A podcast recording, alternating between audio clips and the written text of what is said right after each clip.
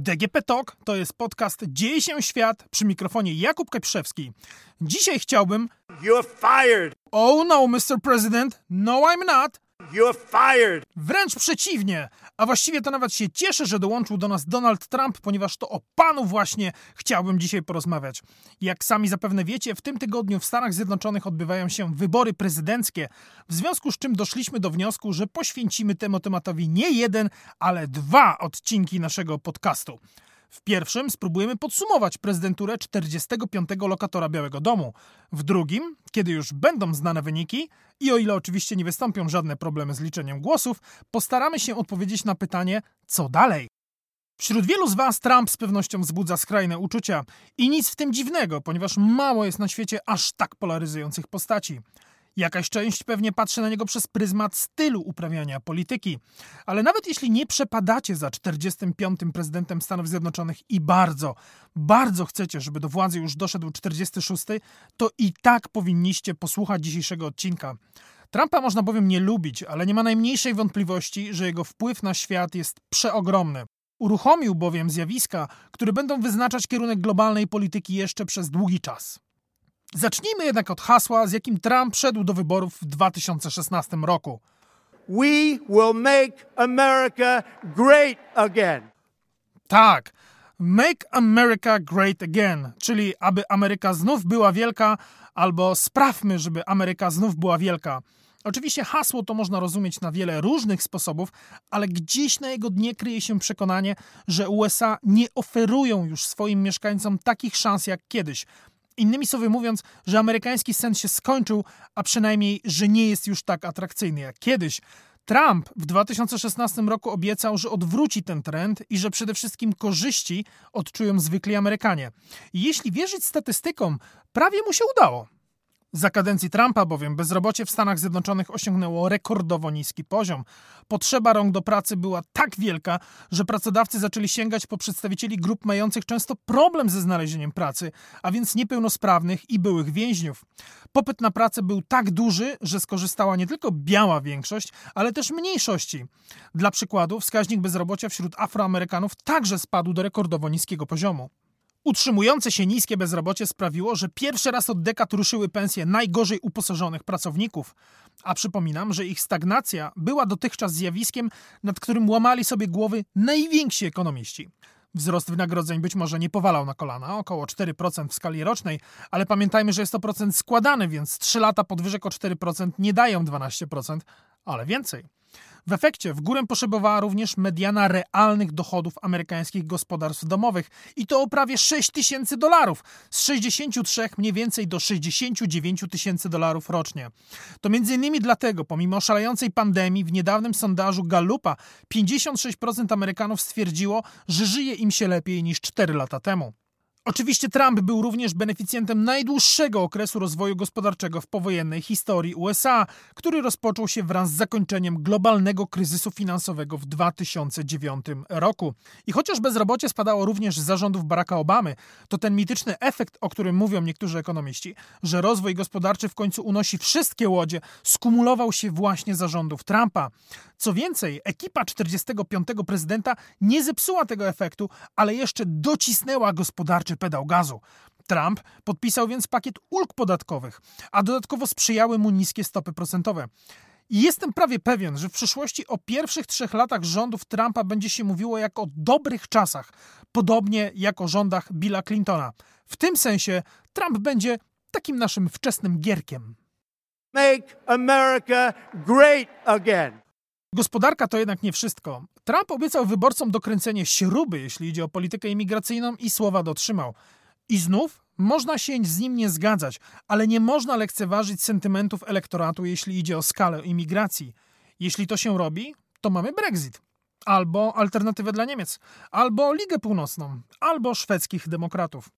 I, jak napisał tygodnik The Economist, nawet jeśli prezydentowi nie udało się zbudować fizycznego muru na granicy z Meksykiem, to wzniósł wiele biurokratycznych barier dla imigracji do Stanów Zjednoczonych. Pamiętacie jeden z pierwszych pomysłów Trumpa, czyli zakaz wjazdu do USA dla mieszkańców z wybranych krajów muzułmańskich? Być może zdziwi Was fakt, ale on wciąż obowiązuje, chociaż w nieco zmienionej formie.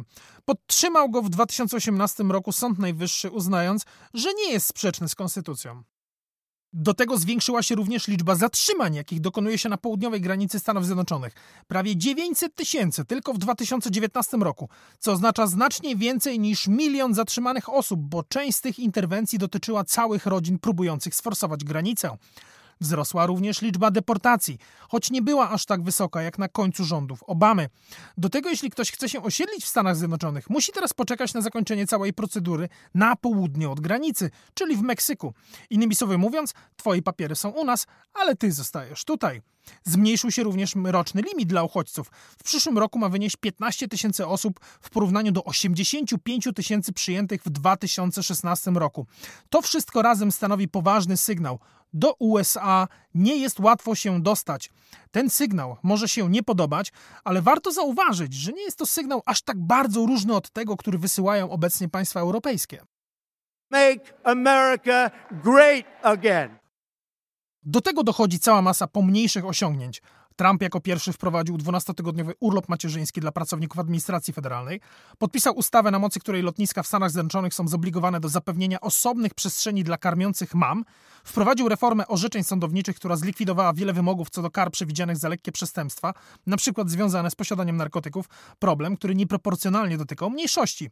Stworzył permanentny fundusz wspierający rodziny ofiar zamachów 11 września, a także tych członków służb ratowniczych, którzy w wyniku akcji ratunkowej ponieśli uszczerbek na zdrowiu. Tak, aż do teraz ta sprawa była nierozwiązana. Starał się również zmniejszyć ceny leków, kosztów leczenia i kosztów ubezpieczeń zdrowotnych, wprowadzając większą konkurencję na rynku, chociaż ze średnim powodzeniem. Trump, jak się okazuje, był również wielkim fanem kosmosu. Prezydent nie tylko stworzył szósty rodzaj sił zbrojnych, siły kosmiczne, ale też dał NASA nowy, łatwiejszy do osiągnięcia cel powrót na Księżyc. Dotychczas bowiem Agencja Kosmiczna Stanów Zjednoczonych cierpiała z powodu braku wizji, podczas gdy lot na Marsa wydawał się zbyt drogi w realizacji. Księżyc jest bliżej, będzie tańszy, a lot tam nie wymaga stosowania nie wiadomo jakich technologii. Co więcej, jeśli ten plan uda się wprowadzić w życie, to Amerykanie zyskają potężny argument propagandowy. Wróciliśmy, zanim poleciał tam ktokolwiek inny. A my wszyscy doskonale wiemy, kim jest ten ktoś inny. Oczywiście Trump zaliczył też sporo porażek. W Stanach nie doszło do renesansu przemysłu, nie powstało 25 milionów miejsc pracy, raczej coś około 10. O wielkim planie odbudowy amerykańskiej infrastruktury, jednej z głównych obietnic wyborczych, prezydent przestał mówić gdzieś w połowie kadencji. Słabości jego stylu rządzenia uwidoczniła również pandemia koronawirusa, ale już widać wyraźnie, że podobnie jak w przypadku każdego polityka, mamy do czynienia z osiągnięciami i porażkami. Po prostu oceniając Trumpa, warto pamiętać, że zaliczył nie tylko te drugie. Make America great again. Największe piętno Trump odcisnął jednak na polityce zagranicznej. I to do tego stopnia, że mam wrażenie, że w przyszłości będziemy dzielili czas w tej dziedzinie na lata przed Trumpem i po nim. Tak, jego wpływ był naprawdę duży, nawet jeśli w kilku kwestiach po prostu postawił kropkę nad i nad zjawiskami, które w amerykańskiej polityce rysowały się już od pewnego czasu. Weźmy przykład pierwszy z brzegu. Jeśli się zastanowić, to hasło Trumpa America First nie różni się aż tak bardzo od Nation Building Here at Home, czyli budowanie kraju tutaj na miejscu Baracka Obamy. To drugie odnosiło się do nazwy procesu, jaki USA podjęły po przejęciu kontroli nad Afganistanem i Irakiem. Pokonać wroga bowiem to było jedno, ale pozwolić tym krajom stanąć na nogi, to właśnie miało być nation building. America First i Nation Building Here at Home – Dwa hasła, które wyrażają, że politycy w USA za bardzo przejmowali się dotychczas sprawami za granicą, a za mało uwagi poświęcali problemom w domu. Jedno wypowiedziane przez republikanina, drugie przez demokratę. To oznacza, że coś, czego niektórzy obawiali się na początku kadencji Trumpa, że Ameryka będzie od tej pory bardziej zwrócona do wewnątrz, nie jest wyłącznie wymysłem 45. prezydenta i chwilowym błędem w Matrixie. To kierunek, w którym amerykańska opinia publiczna zmęczona dwoma wojnami, z czego jedną najdłuższą w historii swojego kraju, mowa oczywiście o Afganistanie, wędrowała już od dłuższego czasu. Politycy po prostu podchwycili ten sentyment. A skoro już o wojnach mowa, to bardziej zapatrzona w siebie Ameryka będzie teraz mniej zainteresowana rolą globalnego policjanta. I znów nie jest to coś kompletnie nowego. Pamiętamy, że już Barack Obama bardzo silnie sprzeciwiał się zaangażowaniu militarnemu w Syrii i pomimo zwiększenia liczby wojsk w Afganistanie, szukał sensownego sposobu na zakończenie tej niekończącej się wojny. Trump po prostu postawił w tej materii kolejną kropkę na D. W przypadku Afganistanu oznaczało to, dogadajmy się z talibami. Jemen? Przecież obok jest Arabia Saudyjska, bardzo bogaty kraj. Libia? Po drugiej stronie morza jest największa strefa dobrobytu na świecie. Jeśli im zależy na Libii, poradzą sobie. Ogólnie rzecz biorąc, jakiś lokalny konflikt, niech zajmą się tym lokalsi. Z tego względu nie jestem przekonany, czy Trump zaangażowałby się na przykład w wojnę w byłej Jugosławii. To zmniejszenie zaangażowania ma jeszcze jeden cel możliwość skupienia się na absolutnych priorytetach. A z punktu widzenia USA nie ma większego priorytetu niż Chiny. Owszem, zwrot w kierunku Pacyfiku był również jedną z osi polityki zagranicznej Baracka Obamy. Nazywało się to wtedy pivotem, czyli obróceniem się, przeniesieniem środka ciężkości. Oficjalnie chodziło o Pacyfik, ale nikt nie miał wątpliwości, że tak naprawdę chodzi o Chiny. Także w tym wypadku Trump postawił kropkę nad i i przestawił tą wajchę polityki zagranicznej do końca. Stwierdził po prostu, że czas na konfrontację jest teraz, bo potem może być znacznie trudniej i odpalił wojnę handlową z państwem środka. Z amerykańskiego punktu widzenia nie było innego wyjścia, bo państwo środka jest realną konkurencją dla Stanów Zjednoczonych. Dzisiaj są drugą co do wielkości gospodarką na świecie, ale za dekadę mogą być już pierwszą.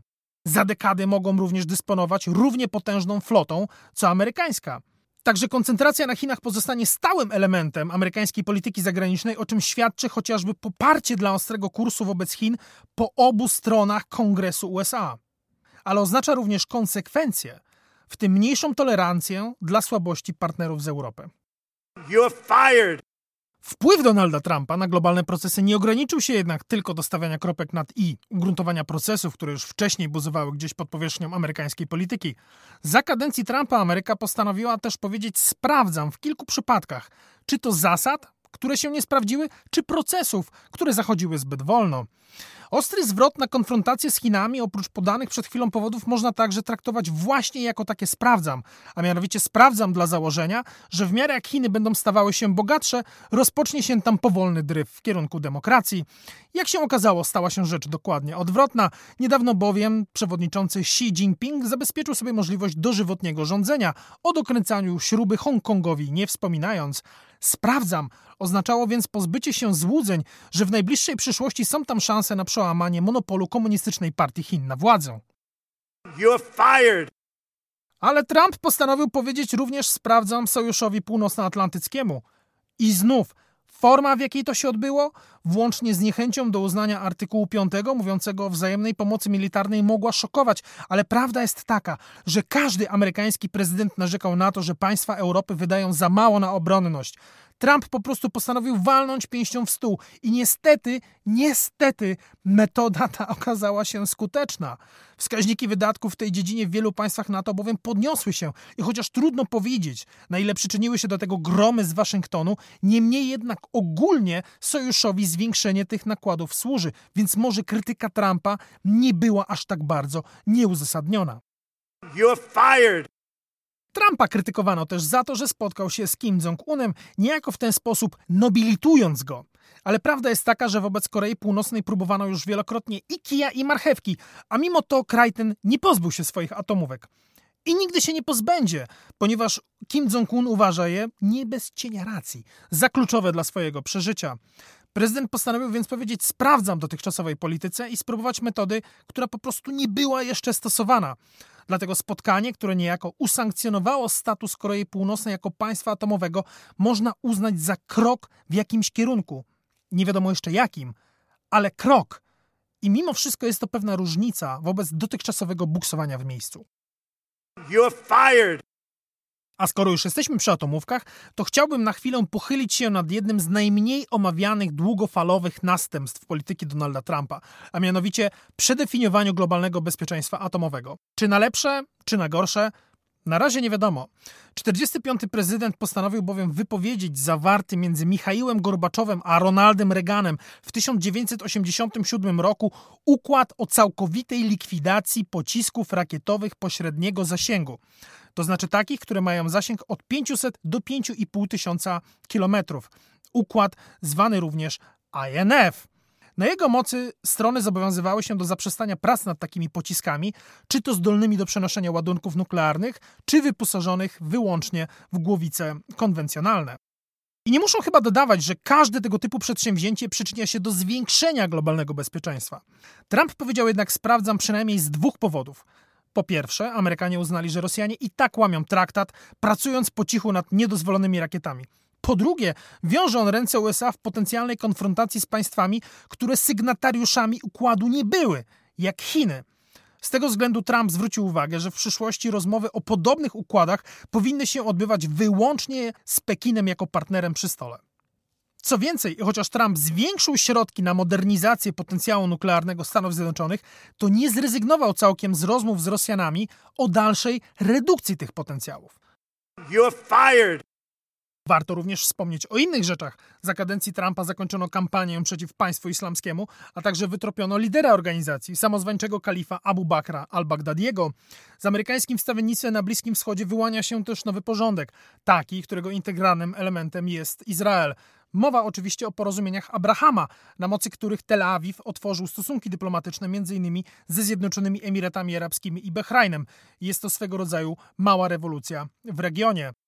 Oczywiście nie wszystkie posunięcia prezydenta przyniosły efekt. Kampanie maksymalnego nacisku na Wenezuelę i Iran nie zaowocowały w tych krajach właściwie żadnymi zmianami. Stosunków z Rosją nie udało się unormować, chociaż może nigdy nie było na to szans. Za kadencji Trumpa od NATO i Zachodu zaczęła również odsuwać się Turcja, a kontrowersyjny styl uprawiania polityki sprawił, że opinia publiczna w wielu krajach postrzega Amerykę po prostu bardzo, bardzo źle, najgorzej od czasów George'a Busha juniora. Mówi się nawet o kryzysie amerykańskiego przykładu, podstawy amerykańskiej soft power, miękkiej siły, dzięki której różne państwa na świecie traktują Amerykę jako kraj godny naśladowania. You're fired. A skoro już jesteśmy przy stylu, to z pewnością jest to jeden z elementów, za który Trump będzie pamiętany bardzo długo. I nic w tym dziwnego. Trudno bowiem zliczyć normy, które Trump złamał, nagiął bądź o naruszenie których się otarł. Dość przypomnieć, że mówimy o polityku, którego prywatny prawnik trafił do więzienia za to, że opłacał milczenie gwiazd porno który białych suprematystów nazywa dumnymi chłopcami, a nie białym kongresmenkom każe wracać do kraju, z którego pochodzą, który naciskał na prezydenta Ukrainy, żeby ten załatwił mu trochę kompromatów na politycznego oponenta, za co zresztą został impiczowany przez Izbę Reprezentantów który wbrew obyczajowi nigdy nie opublikował swoich zeznań podatkowych, a także zatrudnił w Białym Domu córkę i zięcia, chociaż na ich obronę warto dodać, że nie pobierają za swoją pracę wynagrodzenia, który w dość opaczny sposób pojmował lojalność instytucji wobec urzędu, który sprawował, dość przypomnieć sprawę szefa FBI Jamesa Comeya, który wielokrotnie publicznie podminowywał podległe mu służby za konkluzję, że Rosjanie wtrącali się do wyborów w 2016 roku i to nawet po tym, jak specjalny radca Departamentu Sprawiedliwości Sprawiedliwości Robert Mueller postawił rosyjskich hakerów w stan oskarżenia za publiczny sceptycyzm wobec faktów naukowych, w tym dotyczących globalnego ocieplenia. To wystarczająco dużo, żeby zakończyć karierę kilku polityków. Niemniej jednak poparcie dla Trumpa praktycznie nigdy nie spadło poniżej pewnego poziomu, a konkretnie 40%, co także musimy brać pod uwagę, starając się oceniać jego prezydenturę. Ale jednym z największych wyzwań, z jakim musiał zmierzyć się Trump, była pandemia koronawirusa. I biorąc pod uwagę to, jak wyglądają liczby w Stanach Zjednoczonych, trudno uznać, że wyzwaniu sprostał. Chociaż należy dodać, że walka z pandemią nie jest tylko i wyłącznie kompetencją rządu federalnego, ale również władz stanowych. Z tego względu mam podejrzenie, że jednak pandemia przesądzi o wyniku wyborów. Tego jednak jeszcze nie możemy być pewni. A zatem, czy Amerykanie powiedzą prezydentowi: You're fired czy jednak zdecydują o tym, żeby został na drugą kadencję, w kolejnym odcinku porozmawiamy o konsekwencjach ich decyzji. To był podcast Dzieje się świat przy mikrofonie Jakub Keprzewski. Do usłyszenia. You're fired. No, I'm not.